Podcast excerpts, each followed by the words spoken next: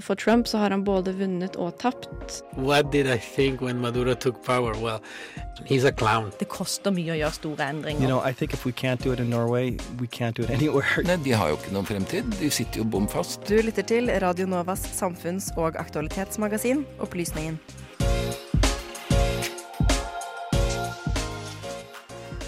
Oscar-komiteen har kommet med nye krav til filmer for at de skal kunne nomineres til årets film. Men vil disse endringene føre til en reell endring? Det er blitt en ledig plass i den amerikanske høyesterettsdomstolen. Hvilke konsekvenser har Ruth Bader Ginsburgs dødsfall? Tidligere i år varslet svensk politi at Palmesaken snart ville lukkes. Vi får en oppfriskning på saken og forsøker å besvare spørsmålet har svensk politi lukket saken uten en reell løsning. Og vi får et gjenhør med noen lure hukommelsestips.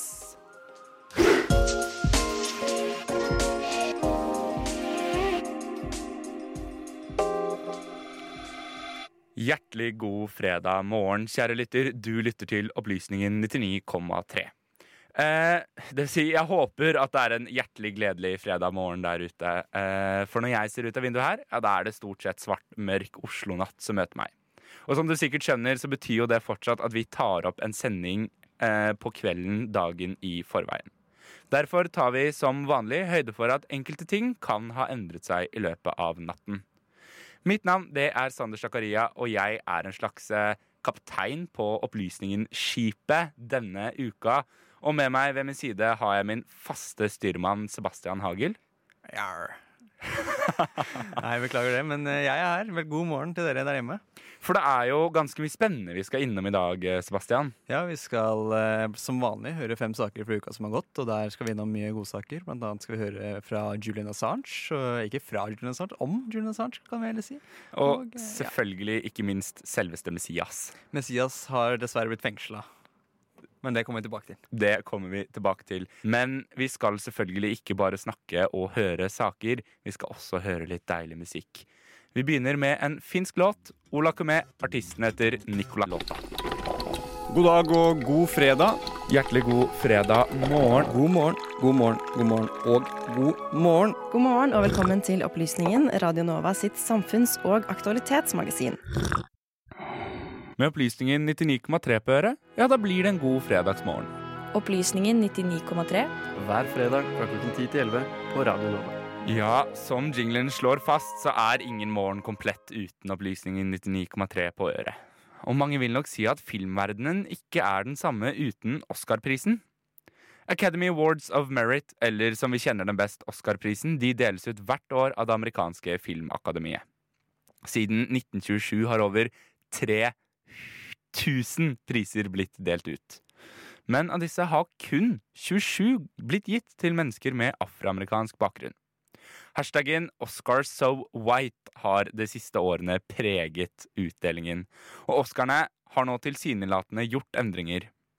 Er det håp for Oscarene, eller er det bare symbolpolitikk? I'm really especially happy that I'm chosen to present this particular plaque. To me, it seems more than just a plaque of gold. It opens the doors of this room, moves back the walls, and enables us to embrace the whole of America, recognizes and pays tribute to those who give of their best, regardless of creed, race, or color.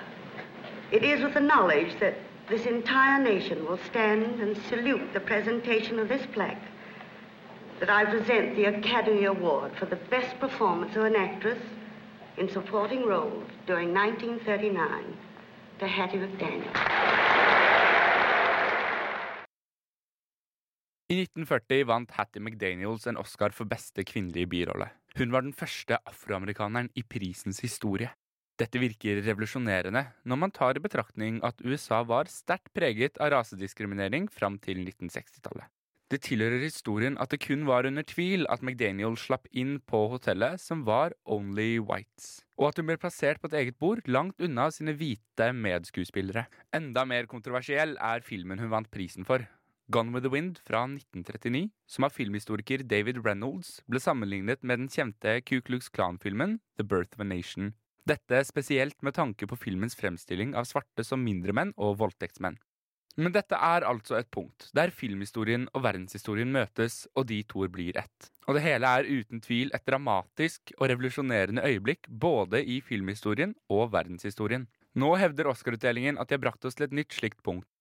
Men er det Oscar-prisen som agerer, eller er det eneste de gjør, simpelthen å reagere? Jeg skal ærlig innrømme at jeg ikke er noen ekspert på film. Men heldigvis har Radionova et eget filmprogram, Nova Noir. Og som man alltid må gjøre når man er i nød, valgte jeg å ringe en venn.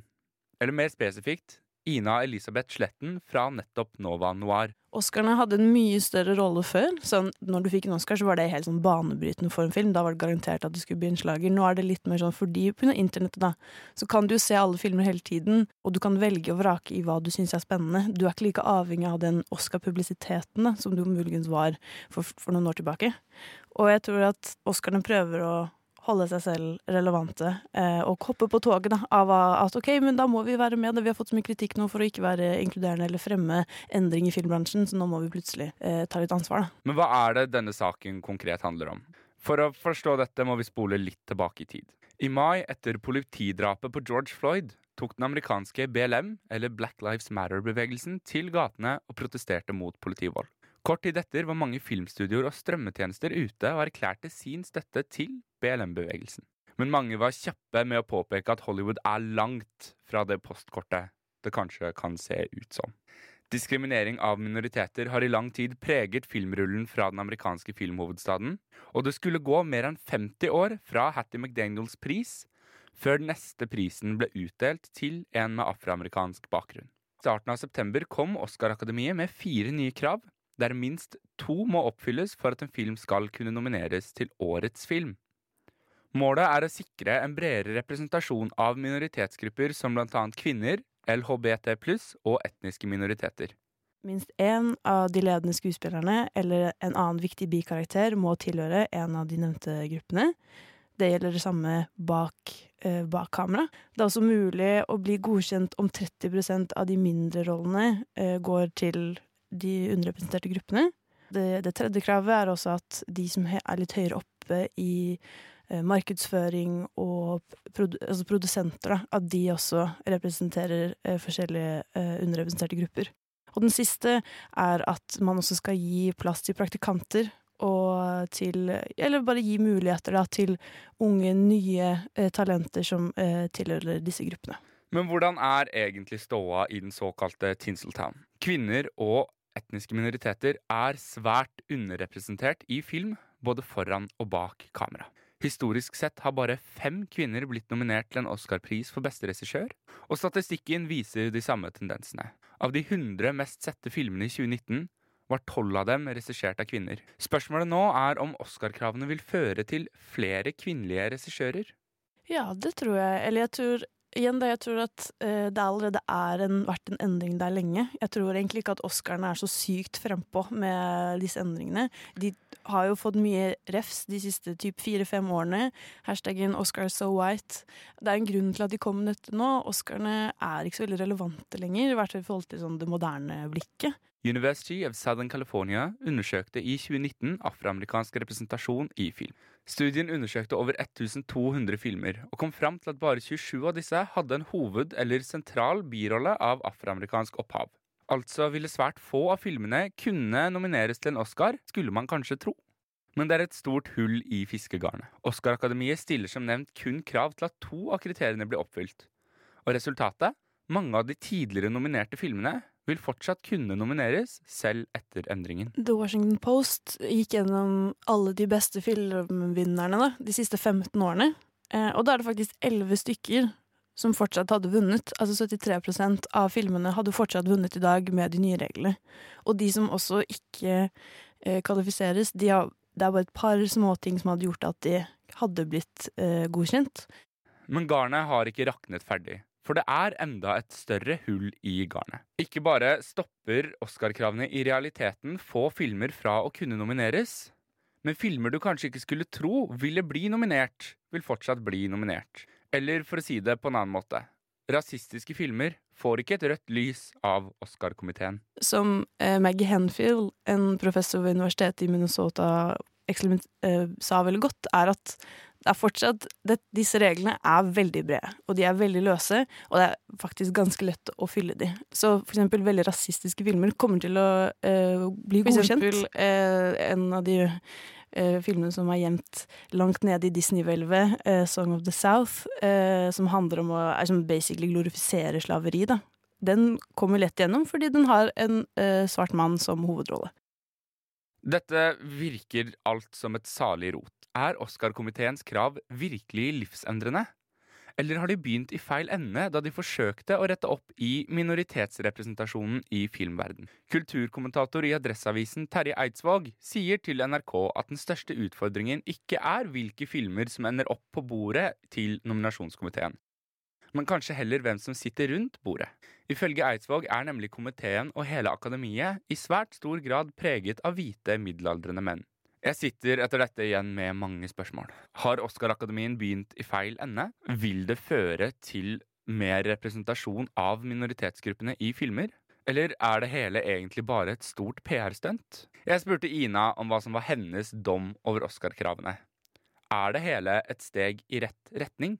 Jeg tror det er en, ett steg i, en riktig retning. Jeg vet ikke hvor stor og viktig den kommer til å være, men eh, jeg er uansett glad for å se at de prøver å vise at de er litt mer progressive enn de var før. Men Sebastian, det er ikke bare Oscarene som gjør store endringer. Nei, altså, det er faktisk eh, ferskt. eh, Ferske nyheter akkurat nå, Sander. Brennaktuelt. Eh, det at BAFTAene i Storbritannia, altså British Academy Awards for Film and Television, har eh, også gjort sånne slike endringer, sånn som du har snakka med Ina om, om Oscarene, som skal tre i kraft allerede i 2021. Her skal det bli lengre lister for, eh, for filmer som skal sees av alle medlemmer som skal eh, stemme. Og det blir for øvrig flere som skal stemmes inn til, inn til nominasjonene for skuespill. Og det skal også gjøres slik at ingen kan nomineres til samme kategori to ganger. Slik som skjedde i år, hvor det var for øvrig ingen eh, etni eh, etniske minoriteter som ble nominert til noen av de gjeveste prisene. Og Margot Robbie ble nominert to ganger til samme kategori for Best Supporting Actress. Kontroversielt er det jo også at det bare er to kvinner som har blitt nominerte til prisen for beste regissør. Altså er det en lang vei for, for filmverdenen. BAFTA-reglene de gjelder allerede fra neste år, så kanskje de gir oss en pekepinn på hvordan Oscarsituasjonen blir fra og med 2020. Men det er noen ting vi kan si sikkert allerede nå, og det er det at vi skal høre litt fresh A-listemusikk. The Screenshots og El Guni leder oss videre. Låta, ja, den heter Traume.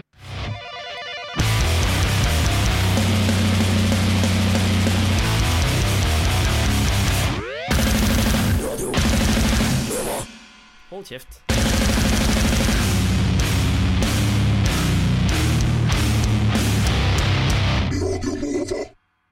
Hver uke er det viktig for oss i Opplysningen 99,3 at vi dekker det som foregår. Og for å forsikre oss om at vi ikke biter over for mye, ser vi på uken gjennom fem saker på fem minutter. Julian Assanges liv på rømmen er som kjent over. Han ble i 2019 kastet ut av Ecuadors ambassade i London, hvor han hadde søkt tilflukt helt siden 2012, etter at de trakk tilbake asylstatusen hans. Nå står Assange overfor en prøvelse, da det britiske rettssystemet vurderer hvorvidt de skal utlevere han til amerikanerne. Den amerikanske regjeringen sikter Assange i sammenheng med Chelsea Mannings lekkasje av 750 000 militære og diplomatiske dokumenter med varierende sikkerhetsklarering som han publiserte på hans nettsted Wikileaks i 2010. I tillegg er Assange anklaget for brudd på The Espionage Act of 1917. Mange mener Assange ikke burde dømmes etter Espionage Act, da han ikke har gjort noe annet enn å publisere informasjonen andre har lekket. Ben Wisner fra American Civil Liberties Union sa til Washington Post i 2019, da det ble klart hva Assange ble siktet for, at dette er første gangen i landets, altså USAs, historie at en utgiver blir straffet for å ha publisert sannferdig informasjon. Han mente dette er et angrep av Trump-administrasjonen på journalistikk og ytringsfriheten. Før det kommer så langt at Assange skal inn i en amerikansk rettssal, gjenstår det å se hvorvidt britene velger å utlevere han. Fra et amerikansk overtramp til et kinesisk overtramp. I Tibet har det kommet rapporter om store mengder tibetanere i arbeidsleire. Kineserne hevder at dette er for å skape lojale arbeidere for den kinesiske industrien. Fra januar til juli skal en halv million tibetanere ha gått gjennom dette systemet, hvor mesteparten har blitt flyttet ut av Tibet til Kina for å jobbe med tekstiler, bygg og jordbruk. Adrian Sens, som har forsket på de to provinsene Tibet og Xinjiang, hvor denne formen for prosjekter blir utført, mener ifølge Reuters at det som foregår i Tibet nå, er det tydeligste angrepet på tibetanske tradisjonelle levemåter siden kulturrevolusjonen. Tibetanerne er ifølge han et folk bestående av nomader og jordbrukere som nå blir omskolert til billig arbeidskraft på fabrikker i Kina. I tillegg rapporteres det om omfattende ideologisk omskolering, da både borgerne i Tibet og Xinjiang er etniske minoriteter med historie med uro mot regimet. Det kinesiske utenriksdepartementet benekter at det er straffarbeid involvert, og sier at alle arbeiderne er der frivillig og blir kompensert. Vi skal tilbake til Balkan og Montenegro, der vi var for noen uker siden. Det er nå blitt tydelig at Stravo Krivokapic og For Montenegros fremtid har flertallet i parlamentet, og at han skal ta statsministerposten. For Montenegros fremtid er den proserbisk-ortodokse koalisjonen, og muslimer i både Montenegro og Serbia frykter nå vold. Vil si, Montenegros muslimske miljø har allerede blitt angrepet. Og det er derfor de serbiske muslimene nå er på vakt. 1.9., få dager etter valget i Montenegro, ble det knust vinduer og tagget påminnelser om Srebrenica-massakren i grensebyen Pjevja. Srebrenica-massakren var et folkemord utført i 1995 på bosniske muslimer, også kjent som bosniaker, hvor styrker ledet av Ratko Mladic deltok. Mladic ble i 2017 dømt for folkemord og forbrytelser mot menneskeheten. Mevlud Dudic, som er en lokal muslimsk leder i grenseregionen mellom Montenegro og Serbia, Sandak, sa til Euronews at det var skremmende for han å se denne massakren bli nevnt igjen i denne konteksten, men er håpefull på at situasjonen på Balkan ikke blir slik den var på 90-tallet.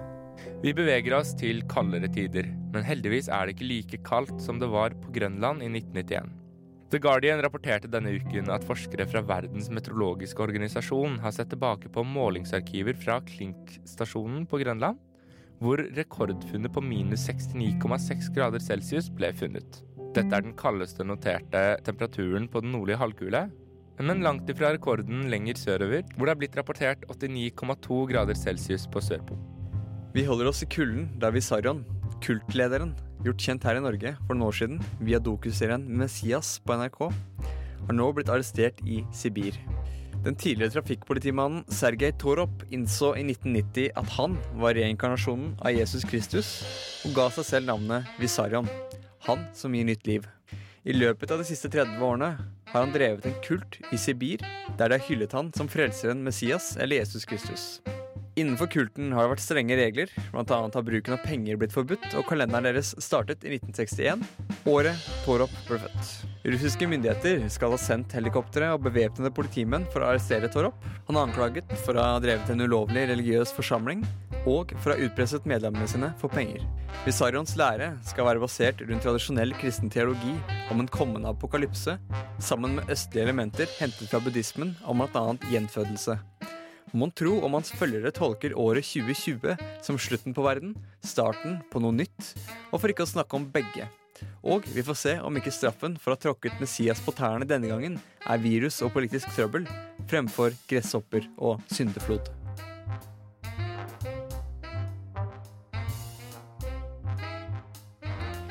Reportere i denne saken, det var deg, Sebastian Hagel, og det var meg, eh, Sander Zakaria. Musikk det følger ganske nære att, mer eh, spesifikt Skovveien, og låta heter Skov 2.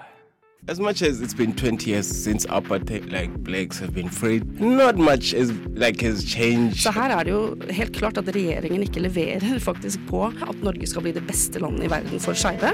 Chavez is the guy who finally could destroy Venezuela. Opplysningen hver fredag mellom klokken 10 og 11 på Radio Nova. Den 18.9 døde høyesterettsdommer Ruth Bader Ginsburg. Diskusjonen er nå het om hvorvidt det skal ansettes en ny høyesterettsdommer så tett opp mot det amerikanske valget, som er bare et par måneder unna. Du skal i denne ukens opplysning eh, få høre litt om maktfordeling og fremtiden for lovgivningen i den amerikanske republikken. Ukas opplysning. Ukas opplysning på Radio Nova.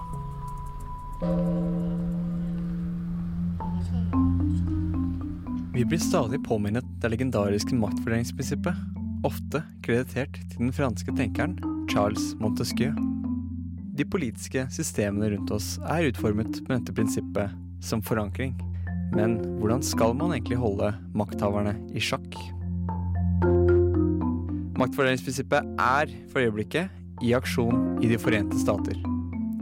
Fredag 18.9 mista høyesterettsdommer Ruth Bader Ginsburg livet til kreftsykdommen hun har lidd under siden 2009. Amerikanske høyesterettsdommere innehar sin posisjon hele livet dersom de ønsker det. Presidenten har makten til å foreslå nye kandidater til Høyesterett, imens Senatet må godkjenne denne ansettelsen. Praksis av dette anno 2020 er at Donald Trump og Mitch McConnell, republikanernes leder i Senatet, står fritt til å sette hvem de vil i Ruth Bader Ginsburg sin stol. Når som helst krampaktig nære valget 3. november. Og dette kommende valget er en del av kontroversen omkring denne ledige plassen i Høyesteretten. Ruth Bader Ginsburg hadde nemlig gjort det tydelig at hun ikke ønsket at innsetningen av ny høyesterettsdommer skulle gjøres før etter neste valg. Hvorfor det? Hvorfor betyr det så mye hvem som bestemmer hvem som sitter i Høyesterett? Skal ikke alle disse instansene hjelpe med å holde hverandre i sjakk, slik Montesquieu så det for seg? Nei, er svaret, kort og godt.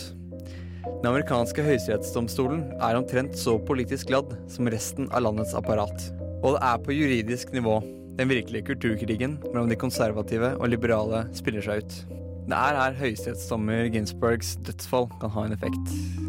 Da spesielt i relasjon til en stor diskusjon spørsmålet om abort. Høyesterettssaken Roe versus Wade er grunnmuren i amerikansk lovgivning omkring abort. Her blir prejudikatet omkring retten til å gjennomføre en abort sementert som en utvidelse av den grunnlovsfestede retten til privatliv. Dersom Donald Trump og Mitch McConnell, representantene for henholdsvis den utøvende og den lovgivende statsmakten i den amerikanske republikken, får vilja si, vil de ha overtall i den dømmende statsmakten seks mot tre hva angår spørsmål om abort. Det er trolig vanskelig å fjerne avgjørelsen omkring Roe versus Wade, da det allerede er etablert et prejudikat, altså har Høyesterett allerede satt en posisjon i slike saker. Men dersom en ny sak omkring abortrettigheter går helt til Høyesterett, slik som f.eks. hvor stor grad den enkelte stat skal kunne ha kontroll over sine borgeres rett til abort, kan en konservativ høyesterett sette en ny standard som utfordrer Roe versus Wade. Mon tro om Montesquieu så for seg at maktfordelingsprinsippet skulle gå fra å være en rekke institusjoner som skulle holde hverandre i sjakk, nærmest en kjede med folk som skylder hverandre tjenester og holdes oppe av hverandres eksistens. Trump-administrasjonen har vist at det å ha makt i alle ledd av maktfordelingen kan være temmelig fordelaktig, slik som når senatet redda Trump fra riksretten han sto overfor. Men det er fortid. Nå skal det bli interessant å se hvem Trump foreslår til Høyesterett, og om å få med seg alle republikanerne i Senatet til en avstemning så tett opptil et valg. Reporter i denne saken, det var Sebastian Hagel. Vi skal straks reise videre til vårt naboland Sverige. Og i den anledning så passer det jo med en deilig svensk låt. Hurula kommer her nå. Tro på er ruin.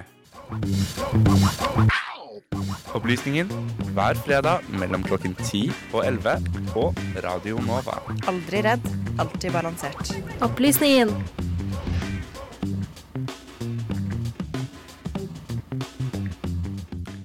Ja, det var jo en eh, svensk låt det der, og vi forblir i Sverige, Sebastian. Ja, for den eh, 28. februar, på palmedrapets, eh, palmedrapets 34-årsdag, eh, meldte vi om at svensk politi hadde nærmet seg en løsning på drapet på Olof Palme. De meldte da om at en løsning ville være klar innen sommeren, og, de konkluderte med, og det de konkluderte med, skal vi snart snakke om, men før det skal vi få en liten eh, gjennomgang av eh, Palmesaken.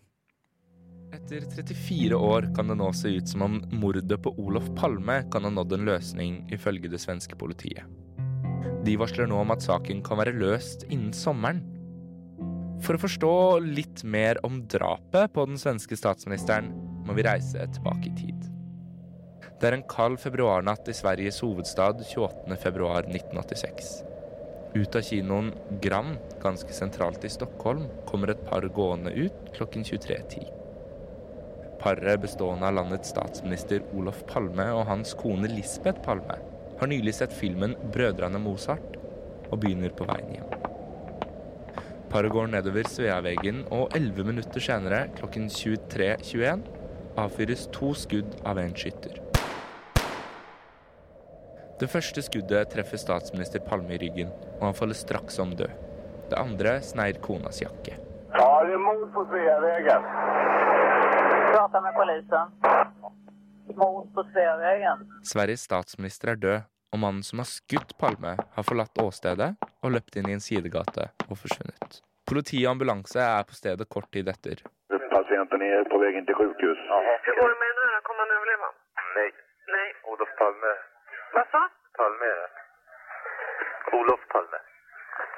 Jo, det er sant. Nei, er det Ja. sant? Två skott, Jeg drar i bröstet. Jeg vet ikke hvor det andre sitter och har tagit. Ja, två skott til meg. Är det sant? Ja! Stats, vår statsminister? Ja, vår statsminister.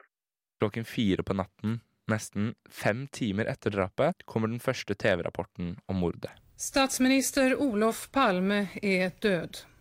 Han mördades midt i sentrala Stockholm straks efter klokka 11 går kveld. Men hvem er det som har drept Palme? Det er det stor usikkerhet rundt. Tidlig i prosessen mener man at dette kan være et politisk mord utført av utenlandske terrorister, og mange ulike grupper pekes ut. En av de første gruppene som ble mistenkt for å stå bak mordet, er den venstreradikale gruppen Råte Armé Fraction, RAF, eller best kjent som Bader Meinhof-gruppen. Grunnen til at gruppen ble mistenkt, er at det kort tid etter drapet blir innringt et anonymt tips av noen som tar på seg skylden på vegne av RAF. Innringeren opplyser fritt oversatt fra tysk. Det her er RAF.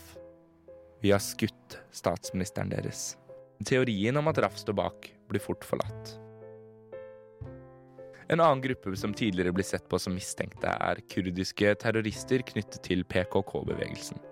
Grunnen til dette var at Palme og den svenske regjeringen hadde omtalt PKK som en terroristgruppe, noe de var svært misfornøyde med. Gruppen ble lenge sett på som en hovedmistenkt for drapet, og i årsskiftet 1986-1987 ble 20 kurdere arrestert i sammenheng med Palmedrapet, men ble frisluppet grunnet manglende bevis. Lennart Viktor Gunnarsson, også omtalt som 33-åringen, ble også sett på som en svært sannsynlig bakmann bak mordet. Gunnarsson hadde tilknytning til det ytre høyrepartiet European Workers Party, EWP, og Gunnarsson var kjent for å ha uttalt anti-Palme-utsagn. EWP hadde også tett tilknytning til Lyndon LaRouche-bevegelsen, en amerikansk politisk høyreorientert organisasjon. Da hovedkvarteret til gruppen ble stormet av amerikansk politi sent i 1986, fant de flere notater med krypterte referanser til Palme-drapet. I 1988 blir en mann arrestert og siktet for drapet av Palme. Den da 41 år gamle småkriminelle narkomane og alkoholiserte mannen Christer Petterson. Petterson er opp gjennom historien mannen som har kommet nærmest en dom for drapet. Grunnen til Pettersons siktelse var at Palmes kone utpekte Petterson som en gjerningsmann, samtidig som Petterson skal ha befunnet seg i områdene rundt Sveaveggen og Grand Kino rundt drapstidspunktet. Da saken kom opp for tingretten, oppsto det flere problemer. Blant annet skal aktor i saken ha hatt problemer med å finne Pettersons motiv for drapet. Og politiet skal også ha hatt svært lite tro på at Petterson hadde et våpen på mordtidspunktet.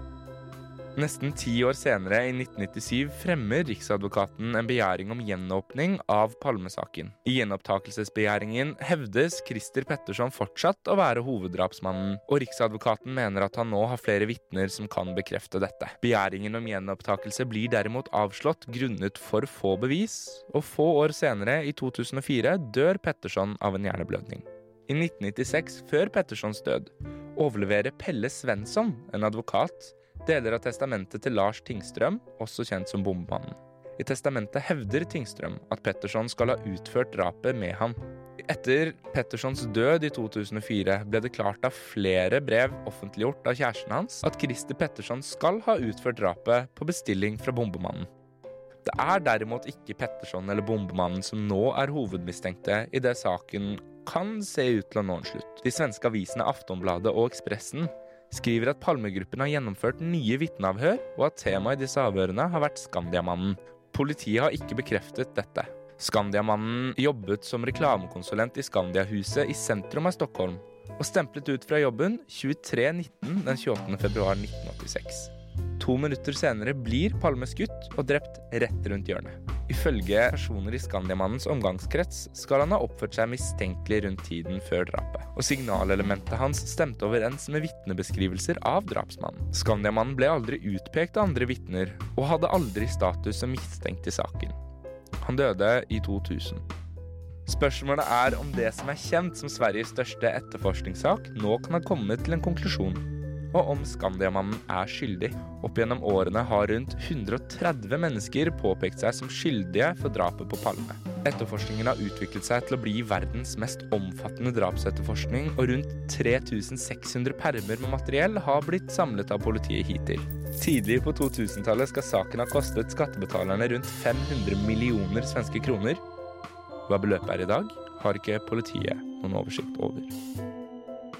Da sier vi eh, takk til det svenske Riksarkivet, som i februar hjalp oss med lyd i denne saken.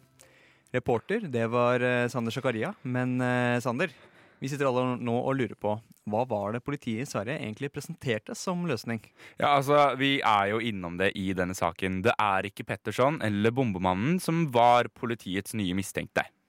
Den 10. juni i år da gikk politiet ut i en pressekonferanse og annonserte at det var Skandiamannen, eller Stig Engstrøm, som hadde drept Olof Palme. Engstrøm tok sitt eget liv i 2000 og kan derfor ikke rettsforfølges. Politiet har altså lukket saken, men påpeker samtidig at det er en mangel på tekniske bevis. Men det er ikke bare tekniske bevis som mangler i saken, man mangler egentlig også et ganske klart motiv. For eh, selv om Skandiamannen skal ha hatt et veldig negativt syn på Olof Palme, og hatt eh, både alkohol og økonomiske problemer, så er det ikke et tydelig nok motiv til hvorfor han skal ha drept Palme, som har skapt ganske mye kritikk fra det svenske eh, samfunnet, som mener at eh, altså politiet har nå bare lukket saken for å lukke saken. Men eh, ja, om det var Skandiamannen som drepte Olof Palme eller ikke, det vil vi jo aldri få svaret på. Nei. Da har i hvert fall vi lukket saken her i Opplysningen, da, nå, som vi åpna den i februar. Og så lukker vi den nå i eh, september. Det kan du trygt si. Men én ting er i hvert fall sikkert, og det er det at Olof Palme ikke vil bli glemt. Og det er faktisk også tema i neste låt. Atari kommer her. Låta heter Forget Me. Du hører på Opplysningen Opplysningen. Opplysningen. Opplysningen. Opplysningen Opplysningen. hver fredag mellom klokken 10 og 11. På Radio Nova.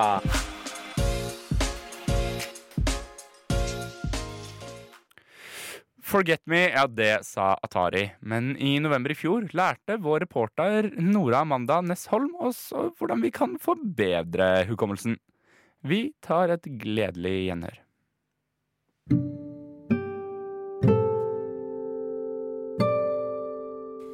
Nå skal jeg lære dere hvordan man kan huske bedre. Og så vil jeg bare si at den sørsudanske basketballspilleren Manut Bol, som døde i 2010, var 2 meter og 31 centimeter høy. For det tror jeg ikke dere klarer å huske. Ikke med mindre jeg sier det enda en gang, og så kanskje enda, enda en gang. For det er nemlig sånn at hjernen prosesserer alt som skjer, hele tida. Samtidig som den glemmer alt som skjer, hele tida. Eller i hvert fall nesten. For hjernen den driver og kaster ut det den anser som uviktig informasjon. Ting du hører på bussen, hva personen foran deg i køen på Narvesen hadde på seg, eller samtaler du hadde med kollegaene dine. Mye av dette bare fyker rett gjennom. For fersk informasjon er skjør informasjon. Realiteten er at vi glemmer mye. Vi glemmer nesten alt, vi. Forskning viser at kun en time etter at vi har lært noe, så har vi allerede glemt 50% av det. Etter 24 timer har vi glemt 70% og ei uke etter er det nesten ingenting av det igjen, for da har vi glemt hele 90% Hjernen tar vare på det den anser som viktig, og det den anser som viktig, er det som blir repetert. Det er som om hjernen sier 'Å jøss, neimen der er den igjen'. Den må vi ta vare på. Repetisjon er altså nøkkelen. Det er i hvert fall hovednøkkelen. Og denne er det bare å utnytte seg av. Seint i det 19. århundre fant Herman Ebbinghaus, en tysk psykolog, ut av det her.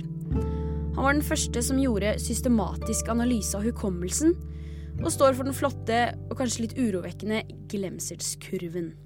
Glemselskurven er basert på at folk blei fortalt helt meningsløse setninger, og hvor godt de klarte å huske de. Den som hadde deltatt i undersøkelsen, blei spurt om å gjenfortelle setningene med økende mellomrom ettersom tida gikk. Kurven starta altså på 100% akkurat idet testobjektene blei fortalt setningene. Men så stuper den brått ettersom timene går. De første timene blir det meste glemt, og etter en måned husker de nesten ingenting, og grafen flater seg ut i de aller laveste prosentene. Men det Ebbinghaus også gjorde, var å sjekke åssen resultatet blei hvis setningene ble repetert utover flere uker. Og det er der man kan se hvor godt denne repetisjonen funker for hukommelsen.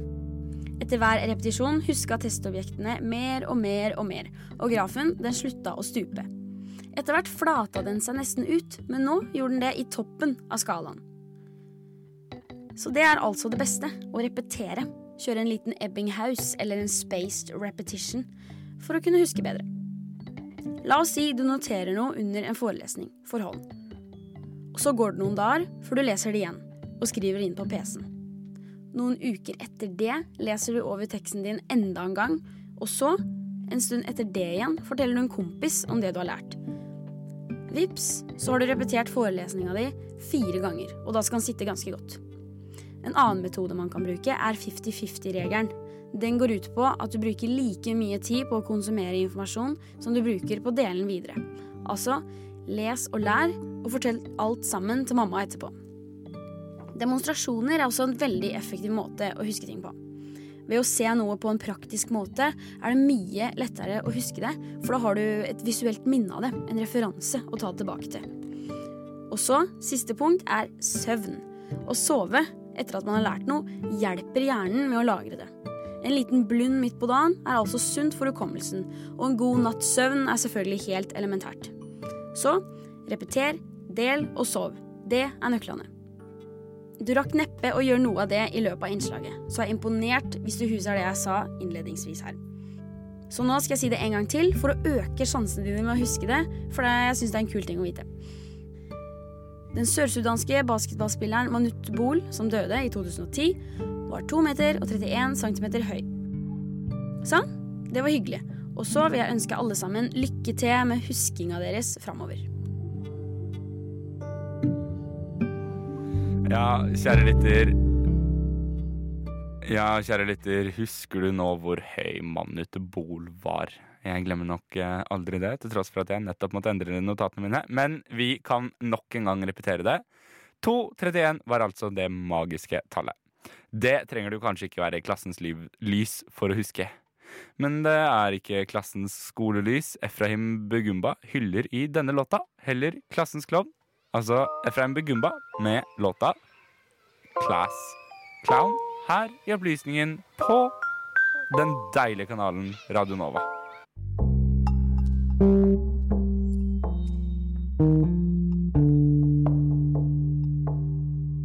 This is insane. I've never seen this in any other country. Never in my life. People eating from the trash, fighting about it. Eh, Når så mange er ensomme, så ligger jo på en måte ikke dette på, på individet lenger. Det ligger på systemet. Vi er i ferd med å ødelegge evnen vår eh, permanent kognitivt i hjernen til å konsentrere oss over lengre tid. Radio Novas samfunns- og aktualitetsmagasin gir deg historiene, sakene og debattene andre overser. Aldri redd, alltid balansert. Opplysningen 99,3. Nok en time med historiene, sakene og debattene andre overser har nådd eh, slutten, Sebastian. Det er alltid ergerlig å nå slutten, Sander, men eh, kanalen består, som de sier. Og etter oss kommer eh, Studentnyhetene. Hva skal de eh, holde på med? De skal snakke om hvordan man skaffer seg venner online. Og intervjuer UiO om hvordan rangeringspoeng til frie emner fungerer. En eh, ganske spennende, spennende sending der, altså. Og ja, det er jo som vanlig det, da. Men eh, etter eh, Eller nei, før vi går videre, Sander, eller før vi avslutter, så må vi si at dette er en eh, preprodusert sending. Stemmer det. Eh, klokken foran meg nå viser 8.31 PM torsdag kveld. Altså tar vi nok en gang høyde for at ting kan ha endret seg over natten. Det gjenstår egentlig bare for meg å oppsummere ukas sending, og det velger jeg å gjøre på følgende måte. Husk at du som alltid kan følge Opplysningen 99,3 eh, på sosiale medier. Og hvis du har noen spørsmål til sendingen, ja, da er det der du når oss. Husk å laste ned podkasten der du ellers finner podkaster. Medvirkende til denne ukens sending, det var Nora Amanda Nessholm. Sebastian Hagel, du var tekniker og også med meg her i studio. Mitt navn, det har vært eh, Sander Zakaria. Vi avslutter med Skoveien, som vi hørte litt tidligere. Låta, ja, det er Kvartlivskrisa. Så er det jo selvfølgelig bare å minne om at vi er tilbake med en nok en fullspakka time med samfunn og aktualitet allerede neste uke fra 10 til 11, så tune inn. God helg. God helg.